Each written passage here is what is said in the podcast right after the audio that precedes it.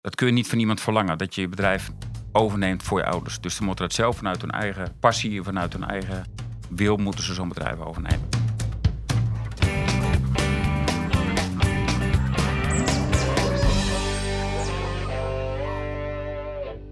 Welkom bij de Wie de Boer niet kent podcast. Mijn naam is Jamie Trinité. In deze podcast hebben we het over boeren, dieren en duurzaamheid. We geven je net als in het tv-programma een uniek inkijkje in het boerenleven van nu. Dat boerenleven is altijd flink in beweging.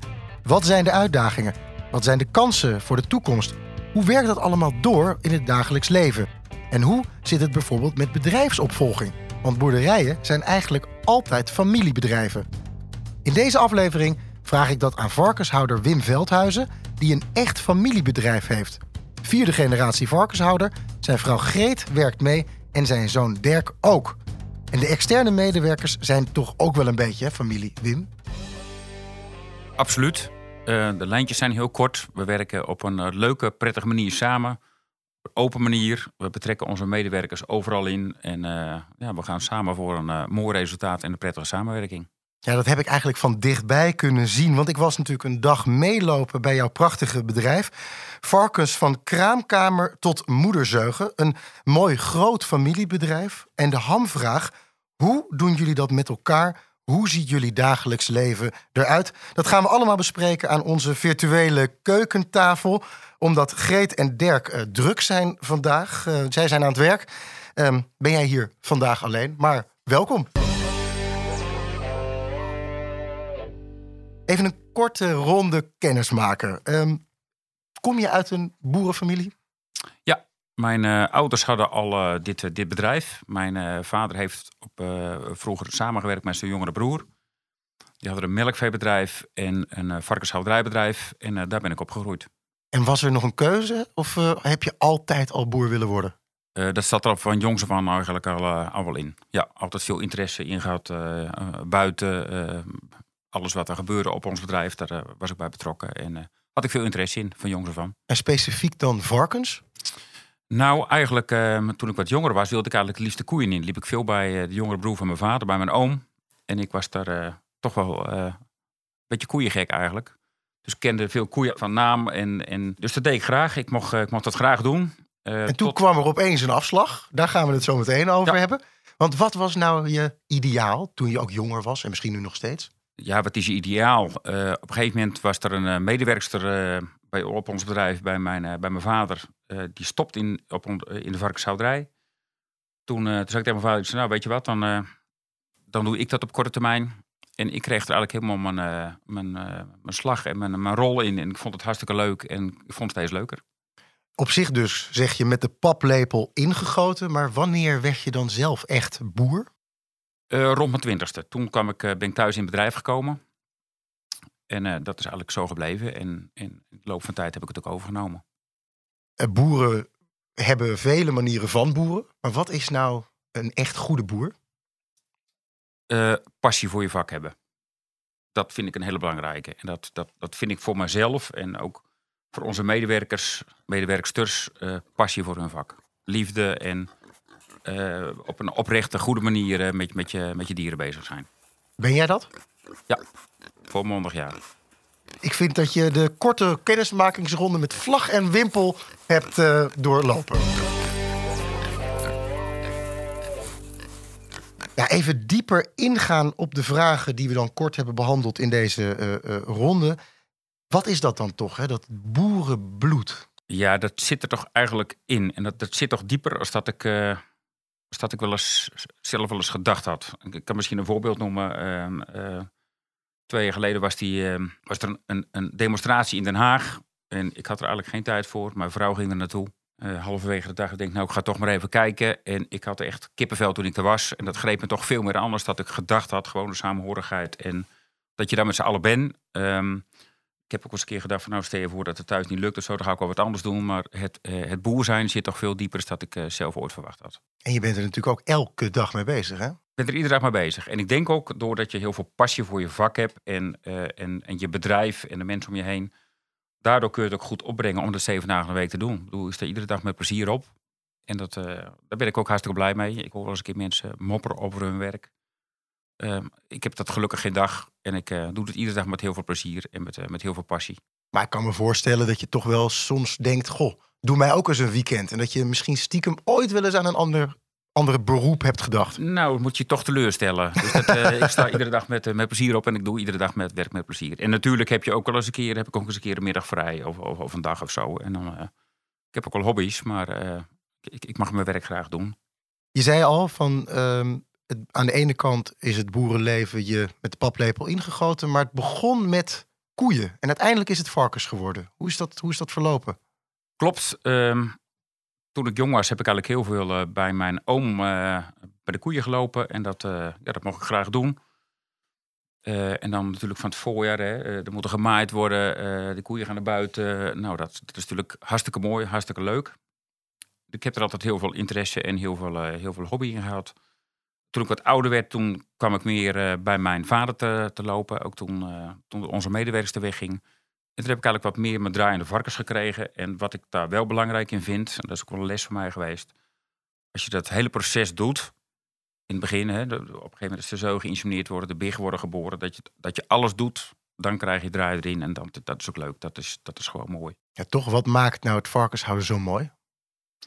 Nou, als ik kijk nu naar ons bedrijf, dan vind ik het eigenlijk wel heel mooi dat we echt met een team, eigen gezin, maar ook met een aantal medewerkers, dat we eigenlijk een, eh, een hele mooie fokzeug uit kunnen leveren daar naar onze afnemers door heel Nederland. Ja, een fokzeug. Dat is iets wat uh, even toelichting nodig heeft, want ik weet het. Ja. Maar ik wist het, als ik heel eerlijk ben, voordat ik bij jou kwam, echt niet. Dus vertel even. Nou, wij werken uh, samen met een fokkerijorganisatie. Uh, die zit in meer dan 56 landen.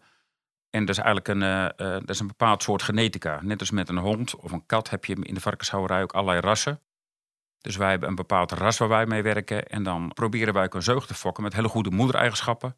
Dus uiteindelijk worden die, die zeugen vanaf ons bedrijf geleverd naar andere varkenshouderijbedrijven. Dat heet in vaktermen een vermeerderingsbedrijf. Mhm. En daar worden de biggetjes geboren. Dus op een gegeven moment leveren wij daar nieuwe moeders aan zo'n bedrijf. Topmoeders, Topmoeders. zou je kunnen zeggen. De beste moeders. De beste moeders. Ja. Geweldig. En er is daar ook een, een groot eigen transportfaciliteit bij gekomen. Ja, ja, klopt. Wij doen eigenlijk alles in eigen beheer. We doen het met uh, geconditioneerde vrachtwagens. Uh, dus op een gegeven moment worden de dieren op ons eigen bedrijf uh, geladen. Die gaan met geconditioneerd transport. We kunnen dat, in de winterperiode kunnen we dat verwarmen. dieren hebben drinkwater aan boord en liggen in een dikke laag zaarsel. En dan, dan worden ze getransporteerd naar, naar onze afnemers. En waar ze dan vervolgens weer netjes afgeleverd worden op het bedrijf. En dat is dus eigenlijk met name de reden waarom jouw zoon Dirk er vandaag niet is. Dirk is onderweg op dit moment, ja. Ja, klopt. Die zit op de vrachtwagen? Ja, die zit op de vrachtwagen, ja. Hey, de, die transportfaciliteit is geboren vanuit het dierenwelzijn. Hoe is dat ontstaan? Um, als je nu kijkt dat de dieren op een gegeven moment binnen ons bedrijf eigenlijk die worden geboren in de kraamstal. Dat is eigenlijk allemaal uh, computergestuurd. Uh, dat we zo'n optimaal mogelijk klimaat hebben. Dieren liggen op vloerverwarming, uh, een lampje boven het, het biggennestje. Nou, vervolgens gaan ze naar ehm, de gespeende biggestal, waar het ook lekker warm en behagelijk is. En de laatste fase eigenlijk in de opfokperiode, dat is de opfokstal. Nou, en dat, in die stal wordt eigenlijk in de zomerperiode wordt de lucht wat gekoeld. S winters wordt het wat verwarmd. Dus die dieren hebben een optimaal klimaat. En dan vinden wij dat ze ook afgeleverd worden, moeten worden met een, in een ideale uh, situatie eigenlijk. Mhm. Ik bedoel, als we zelf onderweg zijn met het, ons raampje open, dan kunnen we ook een, uh, een koudje vatten. Dus dat willen we eigenlijk ook uh, uitsluiten. En ik vind het een het diertransport, dat staat best wel eens een keer wat onder druk. En wij vinden dat toch mooi om dat op een hele verantwoordelijke manier te doen. En dat die dieren het ook heel prettig en comfortabel hebben onderweg. Maar toch, ik ben daar wel even benieuwd naar. Want um, moet ik er dan voor me zien dat uh, als je dat niet in eigen beheer, beheer hebt, dat, uh, dat dat minder goed geregeld zou zijn? Of hoe werkt dat? Nou, het is, het is bij ons ook een stukje de, de after-sales naar je klanten toe. Dat wij zelf de dieren bij onze klanten brengen. Dat we onze klanten nog even spreken bij het, bij het afleveren. Dat de lijntjes kort zijn. En het is een stukje extra service eigenlijk binnen ons bedrijf. Daarin, daarnaast zijn er ook een aantal transportbedrijven die het ook keurig voor elkaar hebben. Mm -hmm. Alleen er komen natuurlijk meerdere soorten dieren op zo'n vrachtwagen. Dus wij willen eigenlijk, uh, gezondheid staat bij ons hoog in het vaandel. Daardoor zeggen we, laten we nou alleen onze eigen dieren op onze eigen vrachtwagen komen. Om op een gegeven moment de kwaliteit nog wat meer te borgen. En was dat een grote stap in het, in het, in het bedrijf wat je had? Want ja, je kan wel ongelooflijk goed zijn met topmoeders uh, opvoeden. Maar dan komt er opeens zo'n heel ander transportidee bij. Daar heb je misschien wel veel minder ervaring en expertise in. Ehm, nou, dat valt wel mee eigenlijk hoor. Ik bedoel, we hebben twee vrachtwagens, dus het is, dat is allemaal wel, wel, wat te overzien. Mhm. En we hebben eigenlijk altijd zelf wel eh, transport zelf gedaan. Alleen op een gegeven moment is het toch wat eh, professioneler geworden door met uh, dichte wagens te gaan werken. Je hebt eh, drie kinderen. Ja, Zit klopt. daar ook eh, bij alle drie het, eh, het boerenbloed? Eh, met name bij de oudste zoon, die is nu 22, onze zoon Dirk. Mhm. Die zit ook in het bedrijf. Dus daar zit het echt van jongens af aan wel, eh, wel in. Dat is wel herkenbaar eh, toen ik zelf klein was. Want Eh, waaraan merk je dat dan met hem? Wat, wat voel je aan hem dan? Ehm, eigenlijk al ehm, vanaf dat hij in de box stond, als er een trekker voorbij komt of een kraan, dan stond hij al te springen. En, en veel mee achter in de stal. Of toen reed ik zelf nog een keer wat meer op de vrachtwagen. Daar ging hij ook mee. En ja, gewoon die interesse. Het hield hem altijd bezig. Het heeft mij als, als stadse jongen altijd ontzettend gefascineerd ehm, dat het kan. Hè? Dat je dus bij wijze van spreken naar je papa kijkt en denkt, ja, dat, dat, dat wil ik ook worden. Dat heb ik nooit gehad, zeg maar. Als, en dat hebben heel veel mensen in de stad niet. Ik kan me voorstellen dat het vanuit jouw perspectief als vader juist heel erg leuk is. En heel bijzonder is dat je dan een, een kind hebt wat opgroeit en fascinatie heeft voor dat wat jij ook mooi vindt. Absoluut, absoluut. Dat, eh, daar zijn we ook hartstikke eh, blij mee en ook wel trots op. Eh, ik heb met mijn ouders een hele mooie samenwerking gehad. Daar ben ik eigenlijk wel eh, daar ben ik trots op en ook wel dankbaar voor dat we dat zo mee, mee hebben kunnen maken. Dat is niet vanzelfsprekend. En wij hopen dat we dat ook mee mogen maken met onze zoon op dezelfde manier. Ja. Dat zou wel, eh, Geeft dat, een soort mooi rust? Dat je denkt, nou, poeh, ik heb er drie, maar in ieder geval één die wil misschien wel deze prachtige traditie voortzetten. Ehm, tot op zekere hoogte. Want ik vind wel, ehm, kijk, er wordt best wel wat van ons gevraagd. Hè? Ik heb net ook verteld dat ik het, dat ik het graag doe. Alleen ze moeten dat wel in volle overtuiging willen. Mhm. En, en op een gegeven moment stel je voor dat hun zouden twijfelen. En ehm, ze zou het voor ons doen, ons bedrijf, ons bedrijf voortzetten. Dat zou ik, ehm, daar zou ik onrustig van worden. En dat, dat zou, zou ik me zorgen over maken. Want dan kunnen ze nooit, dat, dat kunnen ze, dat kun je niet van iemand verlangen. Dat je je bedrijf overneemt voor je ouders. Dus ze moeten dat zelf vanuit hun eigen passie, vanuit hun eigen wil, moeten ze zo'n bedrijf overnemen. Ja, maar Dirk is op dit moment nog lang niet van zijn vader af. Want, eh, want jij bent nog lang niet toe aan je pensioen, volgens Ja. mij. Dus je, je bent ook wel vooruit aan het kijken. En wat voor bedrijf wil jij nou nalaten voor bijvoorbeeld je kinderen? Ehm, een gezond bedrijf. En dat, is, eh, dat kun je op twee manieren eh, lezen en horen. Hè. Financieel gezond, natuurlijk dat hij, dat hij een, een goede boterham kan verdienen en dat hij daar zijn gezin mee kan onderhouden. Eh, en ook met, met gezonde dieren. En dat, dat alles eh, klopt binnen ons bedrijf. En wat zijn misschien de eerste dingen waar jij dan aan denkt nu, die nu spelen en misschien wel de komende jaren gaan spelen, die jij moet doen om dat te realiseren? Ehm, dat is toch ook wel de wet en regelgeving. Hè. Op een gegeven moment, ons bedrijf eh, klopt nu eh, met de goede milieuvergunning. En dat, eh, nou, alleen dat moet wel zo blijven. En misschien dat wij de komende jaren toch wel weer moeten investeren in, eh, in nieuwere maatregelen om aan die eisen te blijven voldoen. Welzijnseisen. En dat, dat blijft, dat, daar blijven we mee bezig. Een boerderij vertegenwoordigt een enorme waarde. Die geef je uiteraard niet zomaar cadeau aan een van je kinderen. Al denken veel mensen dat dat automatisch wel gebeurt. Boerderij van vader op zoon. Bij een bedrijfsopvolging komt veel kijken. Dat geldt voor alle familiebedrijven, dus ook voor een boerderij. Aangeschoven is opvolgingsdeskundige Marije Klever. Zij is melkveehouder in de Meern, oud-bestuurslid van het NAJK, het Nederlands Agrarisch Jongerencontact. Zij weet als geen ander wat het inhoudt om al jong een boerderij te runnen. Welkom Marije, leuk dat je hier bent. Je bent melkveehouder, vierde generatie in jouw familie... en je hebt zelf een jaar of vijf geleden de boerderij van je ouders overgenomen. Hoe is dat precies gegaan? Ja, dat is best een, eh, een heel proces geweest. Ehm, het begint eigenlijk met de vraag eh, van mijn ouders aan mijn broer en aan mij: van willen jullie het eh, bedrijf overnemen of hebben jullie daar interesse in?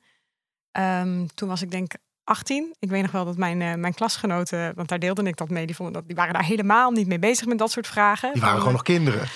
Nee, ja, we zaten allemaal op de middelbare school. Ja. Dus, ehm, eh, en ook dat er ook een leraar wel was van, joh, eh, nou ja, ga je daar nu echt al keuzes over maken? Maar het ging niet zozeer toen echt om het bedrijf direct over te nemen, maar voor een, om in de maatschap te gaan. Mhm. Nou, zowel mijn broer als ik wilden dat. En dat was eigenlijk het startpunt van het echt mee gaan doen in het bedrijf, betrokken zijn bij de financiën, betrokken zijn bij alle keuzes. Maar Eh, waarom wilde dat meisje van 18 toen dat dan? ja, ik, ik hield heel erg van de koeien. Dus dat was eigenlijk het startpunt. Mhm. Ehm, en ik wist nog niet helemaal precies wat ik wilde worden. Maar ik dacht wel, ik vind dit zo leuk. Ik wil dit zo en zo beter eh, gaan begrijpen en leren kennen. En ook voor mezelf uitvinden of ik het ook echt over wil gaan nemen. Dus nou, ik vond het, dat was voor mij echt wel genoeg reden om te gaan, in maatschap te gaan. En, en hoe vanzelfsprekend is het überhaupt dat kinderen de boerderij van hun ouders overnemen? Nou, dat is niet zo heel eh, vanzelfsprekend. Eh, er zijn eh, best veel boeren zonder opvolger. Je kiest natuurlijk wel voor een leven waarbij je altijd eh 24-7 dienst hebt, zou je kunnen zeggen. Waar de verdiensten niet heel groot zijn. Ehm, en als je kiest voor een ander bestaan, heb je misschien ja, toch wat meer eh, vrijheid en een wat zekerder inkomen bijvoorbeeld. Mhm. Ehm, dus ja, je ziet, het is zeker geen vanzelfsprekendheid. Wim, hoe ging dat bij jou, de bedrijfsovername? Ik heb twee jongere broers, die hadden allebei geen interesse in het bedrijf. Die zijn wel betrokken. Die volgen het altijd, nu nog steeds. Hè. Dus op zondagmorgen bij mijn ouders op de koffie zijn de vragen nog... eh, hoe is het eh, op het bedrijf? En dus ze, ze hebben wel interesse hoe het gaat... maar eh, nooit geen eh, interesse gehad om het over te nemen. Maar Marije, bij Wim ging het dan eh, vanzelf en vrij geleidelijk. Eh, maar wat zien mensen over het hoofd bij een opvolging? Dus je denkt heel vaak van het is een technisch proces. Dus we moeten kijken van wie wil het bedrijf overnemen? Hoe gaan we dat? eh, wordt, wordt het een haalbare kaart? Eh, hoe zit het financieel allemaal in elkaar? Maar het is ook een heel emotioneel proces. Want ehm, een, een boerenbedrijf is vaak inderdaad generaties in de familie. Het is echt je levenswerk. Eh, er zit vaak een bepaalde visie bij een bepaalde generatie, omdat die in een context zijn opgegroeid. En mijn vader is echt naoorlogs. Eh, die gooit bijvoorbeeld nooit iets weg, maar dan ook echt nooit. nou ja, ik ben eh, van een andere generatie en ik kijk weer anders naar de wereld. Ik ben Dat is trouwens vaak zo. Hè? Even dat, dat vader en de volgende generatie een beetje anders naar het bedrijf kijken. hè? Ja, ik denk dat dat, dat, dat sowieso zeg maar, bij iedereen zo is. Niet alleen op het boerengebeuren, maar ja, generaties verschillen Ja. gewoon. Ehm, dus je gaat wel met het levenswerk van je ouders aan de gang. En je bent dan in eerste instantie een soort... Als je bijvoorbeeld 18 bent en, jou, en je werk gaat gewoon voor het eerst... eh, zeg maar echt in het bedrijf, dan geeft je vader en je moeder echt de richting. Vervolgens Mhm. wordt dat een beetje gelijkwaardig. Op een gegeven moment, als je richting die bedrijfsovername gaat, gaan de keuzes meer richting het kind, zeg maar. En dat is natuurlijk een hele rare soort van wisseling, omdat Mhm. je ouders hebben je ook opgevoed. Ehm, dus er zit heel veel emotie en toch wat ingewikkelde samenwerkings. Misschien wel de eerste keer dat je je vader eens even echt moet tegenspreken. Van nee pa, sorry, we gaan dit dus even mooi anders doen. Ja, of dit, ja, vaak probeer je compromis te zoeken, maar er komt een keer een moment dat dat compromis niet kan. Mhm. En dat kan best wel ingewikkeld zijn. En nu praat jij vaak over een enkelvoud. Maar ik kan me ook voorstellen dat er een meervoud is. Dat er gewoon een broertje of een zusje ook interesse heeft. Ja, dat was bij ons ook. Mijn broer eh, wilde ook graag boer worden, maar wij hadden totaal een ander beeld van hoe een melkveebedrijf er in de toekomst uit zou kunnen gaan zien. Beide denk ik wel realistisch, maar gewoon een andere visie. En toen eh, hebben we het bedrijf gesplitst. We hadden al een jongveelocatie, daar is mijn broer eh, boer geworden. En we hebben letterlijk in de stal om's de beurt een koe uitgekozen. En zo hebben we de veestapel eh, verdeeld. Omst de beurt een koe kiezen. Ja, dat was wel een Je moet me bijzonder heel even meenemen in dit proces. Want Nou ja, we gingen met de, de, de lijsten van de koeien de, de stal in. En hebben we gewoon letterlijk eh, achter elke koe of een M van Marije of een H van Henk Jan, zo heet mijn broer, gezet. En zo hadden we uiteindelijk eh, de koeien verdeeld. En heeft Henk Jan dan bijvoorbeeld ook een koe gekozen die jij had willen hebben en heeft jou dat pijn gedaan? Nou ja, ze gingen een klein stukje verderop op de jongveelocatie eh gehuisvest worden. Dus dat viel op zich wel mee. Maar er waren natuurlijk wel koeien van ik dacht, oh, die had ik ook wel graag willen hebben. Die nu bij mijn broer op de boerderij lopen. En jullie hebben het bedrijf gesplitst ehm, omdat jullie een verschillende visie hadden.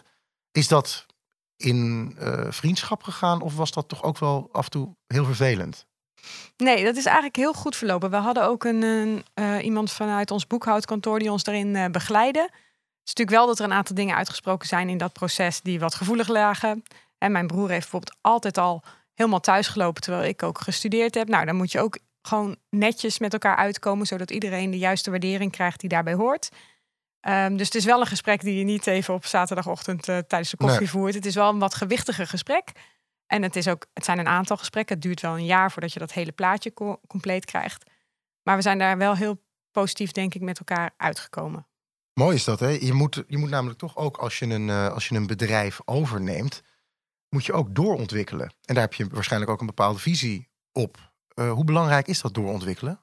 Ja, het is net als bij andere bedrijven, stilstand is achteruitgang. Mm kosten uh, stijgen door. Je ziet vaak dat uh, prijzen in de landbouw niet zo hard meestijgen. En dat is eigenlijk altijd de route geweest om dan een beetje te blijven groeien. Om zo die kosten uh, ook te kunnen blijven verdelen over voldoende, in mijn geval, liters melk. Nou, op het moment is het best wel heel spannend of je die, die strategie nog kan blijven voeren in Nederland. En zo niet, wat dan wel, ook wetende dat als je niks doet, dus je bedrijf eigenlijk gewoon laat zoals het is, dat het ook niet toekomstbestendig is. En heb jij een concreet voorbeeld van een, een, een optie waarin jij wil doorgroeien? Dus dat je bij wijze van spreken zegt, nou ja, dit is wat ik wil. Maar dit zijn bijvoorbeeld ook de alternatieven en ik weet nog niet zeker wat de beste is. Ja, ik, ik wil wel graag mijn bedrijf ook doorontwikkelen in het uh, toch een beetje meer koeien. Um, maar wel op een manier dat ik dat als één persoon kan blijven uh, bemannen, of bevrouwen in mijn geval. Um, maar daarnaast kijk ik ook wel naar andere uh, nevenfuncties. Zoals ik heb een automatenwinkeltje bij mijn boerderij. En ik zou misschien wel iets met zorg willen opzetten. Maar ja, daar moet je net wel op een goede plek voor zitten om dat te kunnen doen. Ik zit net buiten Utrecht. Dat is een hele mooie plek daarvoor. Dus voor mij persoonlijk zijn dat de, de, de routes die ik zie om het bedrijf door te blijven ontwikkelen. Wim, hoe luister jij naar dit verhaal? Interessant. En uh, ook innovatief. Dat, dat je uh, ook uh, wat aan het verbreden bent. Kijken wat andere mogelijkheden zijn. Dat is, dat is ondernemen. Hè? Ja. Kijken wat de kansen zijn op je bedrijf. In een tijd waarin er eigenlijk steeds meer eisen ook worden gesteld. Hè? Hoe moeilijk is het om op dit moment te voldoen aan de eisen? Ja, je ziet dus aan de ene kant dat het dus best lastig is om die strategie te maken van hoe kan ik mijn bedrijf door blijven ontwikkelen. En tegelijkertijd zie je aan de kant van de nou ja, eisen, inderdaad van randvoorwaarden, zie je eigenlijk dat er steeds meer gevraagd wordt. En dat voelt een beetje als een squeeze, of in ieder geval, daar zit je een beetje tussen klem. Hè? Je kan je moet, je moet eigenlijk doorinvesteren in duurzaamheid. En dat, willen heel veel uh, jonge boeren ook. Ik zelf ook heel graag. Uh, maar tegelijkertijd brengt dat ook kosten met zich mee. Hè? Zeg bijvoorbeeld een stuk natuurbeheer of iets mhm. dergelijks. Nou, daar heb je grond voor nodig. Grond is gewoon hartstikke duur in Nederland. Maar tegelijkertijd, ja, ik kan er niet meer koeien gaan houden om die, uh, dat stuk natuur te bekostigen. dus daar moet dan een ander verdienmodel voor ehm, zijn. En mhm. dat is best wel zoeken. Want dat is soms veel onduidelijker dan uh, die meer liters waarvan je gewoon weet dat je ze kan verkopen. Ja, er zijn een hele hoop eisen die worden gesteld. Dan kan je denken aan de kringloop, de emissiereductie en ook het dierenwelzijn. Waar, Wim, kijk jij het meest naar van ja, daar zit het bij ons ook, want we vinden het allemaal belangrijk. Maar toch wel moeilijk om aan al die dingen te blijven voldoen en ook uit, uit de kosten te komen. Uh, klopt, daar, daar zijn we alle continu mee bezig. Um, maar uiteindelijk bepaalt de consument wat wij moeten maken. Uh, misschien toch een voorbeeld. Uh, vorig jaar, hè, dan, dan, wordt alles wordt wat duurder. En dan hebben wij op ons bedrijf, zijn we Beter Leven één ster. En eigenlijk staat die markt, die staat toch een tijdje best wel wat onder druk. Omdat heel veel mensen, als je die in de winkelstraat tegenkomt, dan zeggen ze misschien, hey, ik wil biologisch hebben. Of ik wil Beter Leven één ster hebben.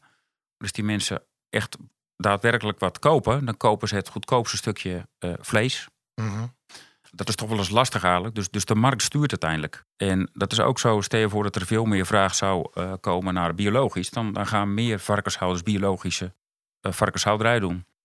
Dus uiteindelijk stuurt de consument. Merk jij dat ook? Um, ja, zeker. Want uh, ik heb een, een poos geleden een keer overwogen van zou het wat zijn voor mij om over te schakelen naar biologisch. En op mhm. dat moment was er gewoon bij mijn melkfabriek geen ruimte. Dus ik kon op dat moment niet, uh, niet overschakelen. Geen uh, ruimte, want. Mijn melkfabriek kon het niet afgezet krijgen uh, in de markt. Dus daar hield het dan op. En inderdaad, voor mijn bedrijf zou het een aantal kostprijsverhogende maatregelen, noem ik dan maar even, ja. zijn. Zoals bijvoorbeeld duurder krachtvoer. Um, nou, nog misschien een stuk aan de stal moeten bouwen, omdat er een extra strohok of iets dergelijks voor de koeien gerealiseerd zou moeten worden. Dus ja, dat heb ik toen niet gedaan. En heb ik gezegd, nou, dan, dan ga ik dat op dit moment niet doen. En toen ben ik met mijn, met mijn winkeltje aan de slag gegaan, zeg maar. Um, maar zo is het dus niet. Je kan niet helemaal zeggen: ik ga mijn bedrijf verduurzamen, punt. Je moet ook, uh, het moet ook ergens toe leiden. Marije, je bent jarenlang bestuurslid geweest van het NAJK, het uh, Nederlands Agrarisch Jongerencontact, waarbij je eigenlijk opkwam ook voor jonge boeren. Want wie de jeugd heeft, uh, heeft ook de toekomst. Hoe belangrijk is het dat jonge boeren een kans krijgen? Nou, ik denk dat zeker met wat er nu allemaal speelt in de landbouw, dat het echt wel een zoektocht is voor jonge boeren van waar begin ik aan. Het is niet heel daar. Ik denk dat het nooit hè, ook een aantal jaar geleden dat het ook niet heel duidelijk was. Maar op een moment stormt het wel heel erg hard in de landbouw. Mhm. Ehm, en als ik dan kijk hoe weinig bedrijfsopvolgers er zijn, denk ik dat je ook als land wel even achter je oren mag krabben van hoe gaat dit wel goed? Want uiteindelijk voedsel is gewoon iets wat we allemaal iedere dag nodig hebben, zelfs een aantal keer per dag. Eh, en dat is gewoon belangrijk dat je dat als land, dat je daar een stevig fundament in hebt. Je zou eigenlijk kunnen zeggen, boer is een essentieel beroep. Ja, tijdens de coronapandemie gingen wij ook gewoon door. Hè. Wij waren ook essentieel beroep. Ook alle bedrijven om ons heen eh, hadden zeg maar die uitzondering van eh, jullie mogen gewoon doorwerken. Ehm, ja, ik denk dat eh, we misschien een beetje vergeten zijn dat voedsel zo cruciaal is en dat lege schappen, dat dat kan gebeuren. Tuurlijk, we exporteren heel veel in Nederland, eh, maar tegelijkertijd importeren we ook heel veel. En ik denk, nou ja, melkvee, om maar even bij mijn eigen sector te houden, past heel goed in Nederland. En het zorgt er ook voor dat je wat uit te wisselen hebt met andere landen. Dus je houdt ook een bepaalde geopolitieke nou, een positie op het gebied van voedsel. En ik denk wel dat dat, ja, als ik eh, de baas zou zijn van Nederland, zou ik dat wel belangrijk vinden. Ja, daarnaast is het ook belangrijk dat we ook zicht houden op ons eigen producten die we misschien in Nederland zelf produceren. Je hebt natuurlijk beter zicht in Nederland op, op hoe het melk geproduceerd wordt dan bijvoorbeeld in het buitenland.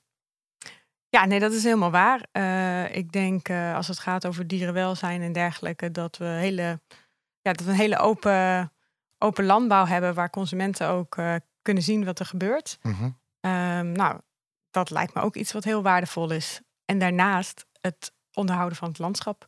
Als er geen boeren zouden zijn in Nederland, wie gaat dan al dat groen eh, beheren? Ja, Wim, doen we genoeg voor onze jonge toekomstige boeren? Of mensen die boer willen worden? Ehm, ik denk wel dat we er genoeg voor doen. Vanuit, vanuit natuurlijk vanuit, eh, vanuit de sector, vanuit het bedrijfsleven. Ehm, maar ik sluit me eigenlijk wel aan bij, eh, bij Marije. Dat, dat, er, dat het af en toe toch wel eens een beetje vanuit de overheid een ondergeschoven kindje is. Dat die agrarische sector toch een hele belangrijke rol heeft binnen Nederland. Dat, dat, dat wordt wel eens een keer onderschat, hè, nu met alle discussies die er zijn. Ehm, kijk eens hoe circulair we zijn. Hè? Hoeveel mensen er met zonnepanelen werken. Ehm, hoeveel eh, reststromen vanuit de levensmiddelenindustrie verwerkt worden weer in het voer van de dieren. Dus uiteindelijk denk ik toch dat eh, dat, dat onderschat wordt vanuit de overheid. Maar er zit nu iemand vanuit eh, de varkenshouderij en de melkveehouderij hier tegenover mij. Ehm, twee verschillende sectoren binnen een eh, toch dezelfde gemene deler.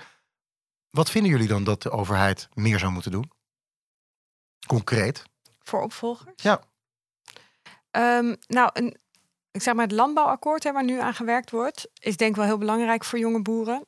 Ehm, even los van de inhoud, want daar is natuurlijk van alles over te doen. Maar gewoon het feit dat het duidelijk wordt van dit zijn de kaders. Mhm. Op deze eh, regelingen of eh, uitwerkingen qua innovatie kun je rekenen. En dan kunnen jonge boeren ook weer gaan nadenken van oh, zo kan ik mijn bedrijf in de toekomst gaan ontwikkelen. En daar past dit plaatje bij. En dan ga je ook wat steviger in je schoenen staan als je kijkt naar een bedrijfsovername. Ja, of überhaupt eh, een innovatie die geld kost. Je leent misschien wel geld voor een bepaalde innovatie. Terwijl je misschien wel dan de duidelijkheid moet krijgen van... ja, dit, is, eh, dit rendeert en dit, dit gaat de komende jaren wat opleveren. In plaats van dat Den Haag misschien een andere route op gaat. Klopt, inderdaad. En die onduidelijkheid maakt denk ik dat boeren die nu op het punt staan van wil ik door met mijn bedrijf, eh, daar eh, onzeker over zijn en het dan misschien wel niet doen. En dat zou super zonde zijn. Toch is dat ook een probleem waar een boer die al wat langer in het vak zit ook mee te maken heeft. Absoluut, absoluut. Dat, eh, dat houdt je altijd bezig. Eh daarentegen vind ik dat we het allemaal op zo'n duurzame manier doen dat ik daar toch het volste vertrouwen in heb. Mhm. Als ik zie eh, hoe we daar binnen de hele agrarische sector mee bezig zijn, dan, dan geeft me dat echt veel vertrouwen om daar op deze manier zo mee door te gaan. En natuurlijk hè, staan we open voor, voor nieuwe innovaties. Willen we daar ook volop aan meewerken. Dat hebben we de laatste jaren ook gedaan. Dat zullen we ook blijven doen. Maar ik heb alle vertrouwen in de agrarische sector eh, in Nederland. Nog even een vraag die ik aan beiden wil stellen, omdat ik het zo leuk vind dat jij ehm, toch, Marije, heel, eh, ja, nog maar net in dit vak zit. Wim, jij wat langer. Wat willen jullie meegeven aan de, de starters, de, de opvolgers? Wim, begin ik bij jou. Volg je hart. Als je, ik zeg wel eens een keer, als ik altijd alleen naar de adviseurs had geluisterd, dan hadden wij toch stilgestaan met ons bedrijf. We was misschien al lang gestopt. En Mooi. als je iets echt wil, dan komt het goed. Als je ergens voor gaat, Soms een beetje irrationeel tegen, tegen het beleidsplannetje in. Ja, absoluut. En ehm, als, je, als, je, als je geloof hebt in, in je bedrijf en je passie voor je vak, dan, uh, dan komt het goed. Marije, jij glimlacht. Ja, dat vind, ik vind dat mooi. Gewoon, uh, um, want ik sluit, ik sluit me daar eigenlijk heel erg bij aan. Dat uh, onthoud ook vooral, je, je produceert voedsel. Dat blijft gewoon nodig, wat er ook gebeurt. Um, dus je bent, je bent hartstikke essentieel. En um, vanuit die kracht en de liefde voor uh, uh, gewas en voor dieren. En daar, als je dat hebt, zeg maar, dan is er volgens mij altijd een toekomst. Dus uh, nou, vanuit die, vanuit die visie zou je met vol vertrouwen naar bedrijfsovername moeten kijken. We gaan een intermezzo inlassen, maar niet een onbelangrijk intermezzo. Dus, Wim, iets heel anders. Het wordt tijd voor een quiz.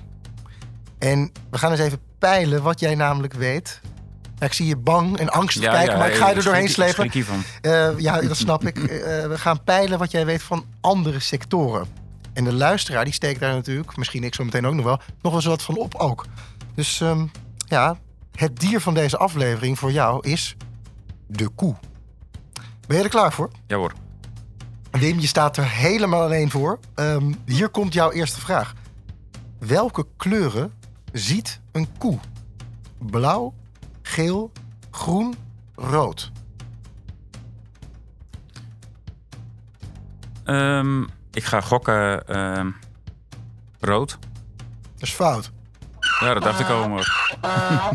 Dit is het geluid dat het fout is. Ja, Je zei rood, hè? ja ik, ik wist het echt niet. Het was een gokje. Ja, sterker nog, je hebt het slechtst mogelijke antwoord gegeven. Want hij ziet namelijk alle andere kleuren. Blauw, geel en groen. Oh, juist. Dus nou ja, la- laten we misschien zeggen eh, eh, dat ehm the only way is up. Maar ik kan het nog wel even toelichten, want dan zullen we het ook daarna nooit meer vergeten. Ehm, dus drie kleuren. Groen is, is logisch, eh, want een koe eet gras. Rood kunnen ze niet zien. Dus dat een stier op je afkomt als je iets roods draagt, is totaal een, een fabel. Nou ja, weet je toevallig dan wel welke kleuren een eh, varken ziet? Nee. Wat doe dat? Oh, oh, oh, oh, oh. Ja, het dat gesprek was leuk, maar die quiz is niet meer Nee, leuk, die quiz is niet zo leuk, eh Jamie. Nee. Nou, een varken ziet rood, groen en blauw. Ze zien alleen eh, contrasten. Juist. Nou, weer wat geleerd. Hè? God, nou, we gaan eh, gelukkig naar de tweede vraag. Veel dieren zijn van nature alert en moeten goed om zich heen kijken. Ehm, wij hebben een gezichtsveld, de mens, van 140 graden, misschien ietsje meer.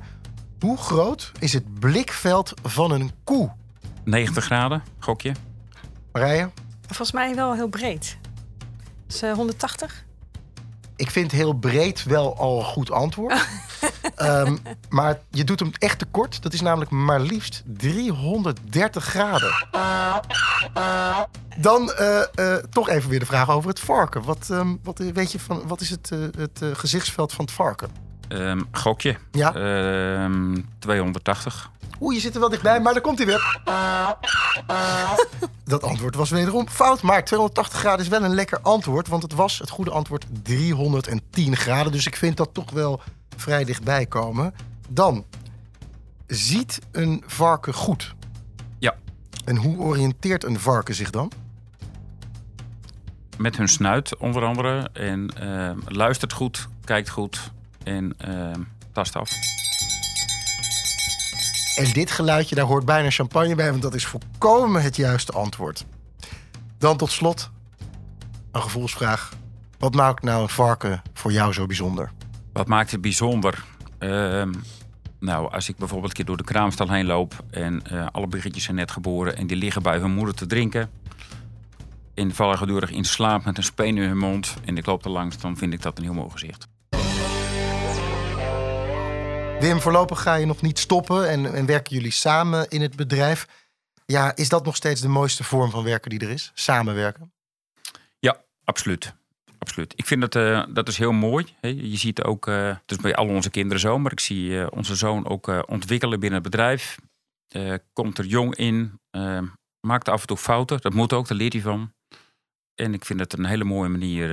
en nee, ik, we genieten hiervan. En met een gerust hart zullen wij over een aantal jaren een stapje terug doen. Maar zover is het nog, een, zover is het nog lang niet. Precies. En heb je daarom dus ook voor de toekomst nog een echt een groeimodel? Ehm, dat hoeft niet per se groei te zijn. Het kan wel zo zijn dat je op een gegeven moment je bedrijf een keer wat verbreedt. Mhm. Dat je wat meer dingen in eigen beheer gaat doen, bijvoorbeeld. Maar het hoeft niet per se ehm, dat het meer aantallen worden. Eh, maar een gezond bedrijf, dat vind ik heel belangrijk. Met een goed verdienmodel en eh, met, met, met een goed dierenwelzijn. En waar we in een eh, goed concept eh, de toekomst mee in kunnen. Is dat ook iets wat ontzettend veranderd is in de laatste, misschien wel de, het laatste decennium? Dat we wat minder focussen op alleen maar groeien? Ja, en eigenlijk ehm, een dier ook leveren met, eh ja, dat klinkt misschien raar, maar met een soort toegevoegde waarde. Dat het, dat het, dat het klopt en dat je, dat je bijvoorbeeld voor een bepaalde markt kan, kan produceren. Eh, nou, dat is natuurlijk bij ons met die fokkerij dat wij eh, hele goede dieren uit kunnen leveren naar onze klanten die daar, eh, die daar goed mee kunnen werken, die er fijn mee kunnen werken. Dat is, dat is belangrijk. Dus je zou kunnen zeggen kwaliteit over kwantiteit in jouw geval. Marije, hoe kijk jij daarnaar? Ehm, nou, ik denk wel dat ehm, kwantiteit in de zin... Hè, voor, een, voor een bedrijf het wel belangrijk blijft dat die ruimte er blijft... om dat, om dat soort stappen te kunnen zetten. Dus eh, dat eh, gewoon in verband met die kosten, wat ik eerder ook uitlegde. Ehm, maar ik denk zeker dat het is niet zo dat eh 80 koeien minder leuk is als eh 160. Tenminste voor mij. Dus voor mij is het in ieder geval niet zo dat ik per se heel veel meer koeien wil melken of, of wat dan ook. Maar wel, het moet wel, eh, het moet niet een soort hobby worden die geld kost. Dus dat is voor mij wel heel belangrijk. Het verdienmodel, ik denk voor elke ondernemer. Ja, en wat nou op het moment dat bijvoorbeeld regelgeving het alleen maar moeilijker maakt, ook om bijvoorbeeld uit te breiden en te groeien, wat zou dan jouw plan B zijn? Nou ja, net zoals ik nu dan met dat winkeltje begonnen ben. ehm, ik denk dat een melkveebedrijf veel meer te bieden heeft dan alleen melk. Dus, eh, en zeker dat hangt een beetje af van de plek waar je zit. Maar ik zit vlakbij een stad. Nou, dan kan je ook allerlei andere verdienmodellen bedenken. Dus daar kijk ik wel naar. Nou, dat schiet mij niet meteen te binnen, dus ik ben wel benieuwd wat je dan bedoelt. nou ja, ehm, naast het winkeltje ehm, heb ik ook een maaistelhof. Dus dan kunnen kinderen uit de stad komen spelen in mijn maisveld. Een soort speurtocht. Eh, nou, ik, wil, ik zit dan te denken aan, aan zorg. Ehm, nou ja, ik heb ook iemand die bij mij een stukje schuur huurt... waar die een bedrijfje in heeft. Eh, dat kan. Nou ja, zo zijn er nog wel meer. Ik heb een tijdje klassen ontvangen. Dat was ook hartstikke leuk en nuttig. Maar zo zijn er best wel verschillende activiteiten... die je te bieden hebt aan je omgeving. En dat maakt je bedrijf ook nog weer meer waardevol. Wim, ik, eh, ik ken je als een zeer positief mens. Dus eh, hoe zie jij de toekomst? Nou, ik vind, om even aan te sluiten op het verhaal- van eh, Marije net. Ehm, wat ik wel mooi vind, eigenlijk kunnen we denk ik met z'n allen wel concluderen dat eigenlijk de afstand tussen de burger en eh, de, Randstad, dat, die toch steeds groter is geworden richting, richting de boerenbedrijven. En op deze manier hou je toch de burgers iets meer naar je toe. En die mensen zien een keer wat je bedrijf, die komen een keer op je bedrijf. Maar toch, ik wacht even, ik ga je onderbreken, want je zegt de afstand is groter geworden. Hoe merk je dat dan? Ik denk dat ehm, vanaf 1940 komen er eigenlijk, heb je al een dalende lijn, dat er steeds minder boeren komen in het land.